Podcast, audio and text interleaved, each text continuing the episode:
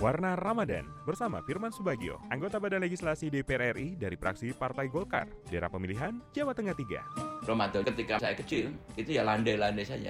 Tahun 60-an itu banyak orang tidak melakukan ibadah sholat ya karena daerah Jawa Tengah kan terkenal banyak masyarakat yang Islamnya abangan. Tapi saya motivasi dari mulai tahun 79 saya punya cita-cita bagaimana supaya masyarakat itu bisa ya bisa saya tingkatkan ibadahnya. Dan beberapa tahun yang lalu saya bangunkan masjid itu alhamdulillah saya monitoring itu jamaahnya sudah sangat luar biasa. Saya itu sangat gemar makan ikan. Dari gemar makan ikan setiap buka puasa itu selalu makan yang selalu ada ikan.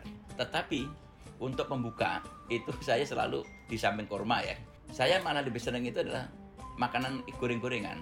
Seperti tahu isi gitu ya. Kemudian begitu batalkan kita minum teh hangat, tempe goreng itu malah malah nikmat. Setelah itu baru kita makan makanan lain.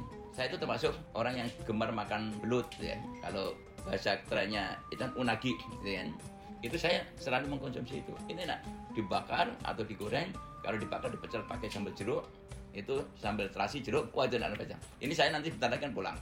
Udah saya pesan belikan ikan pari, belikan ikan yang dibakar, terus aku pesen belut supaya besok pulang itu udah bisa bawa itu untuk di rumah. Ini ini kesukaan saya seperti itu. Saya benar-benar masakan masakan tradisional.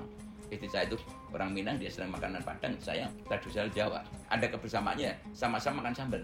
Ya harapan kami Ramadan ini adalah kita bisa menyelenggarakan sholat id bersama. Namun tentunya kita harus menyadari bahwa pandemi ini juga masih belum betul-betul usai tentunya protokol kesehatan harus kita kedepankan dan tentunya kita harus menaati berbagai aturan yang telah diterapkan oleh pemerintah.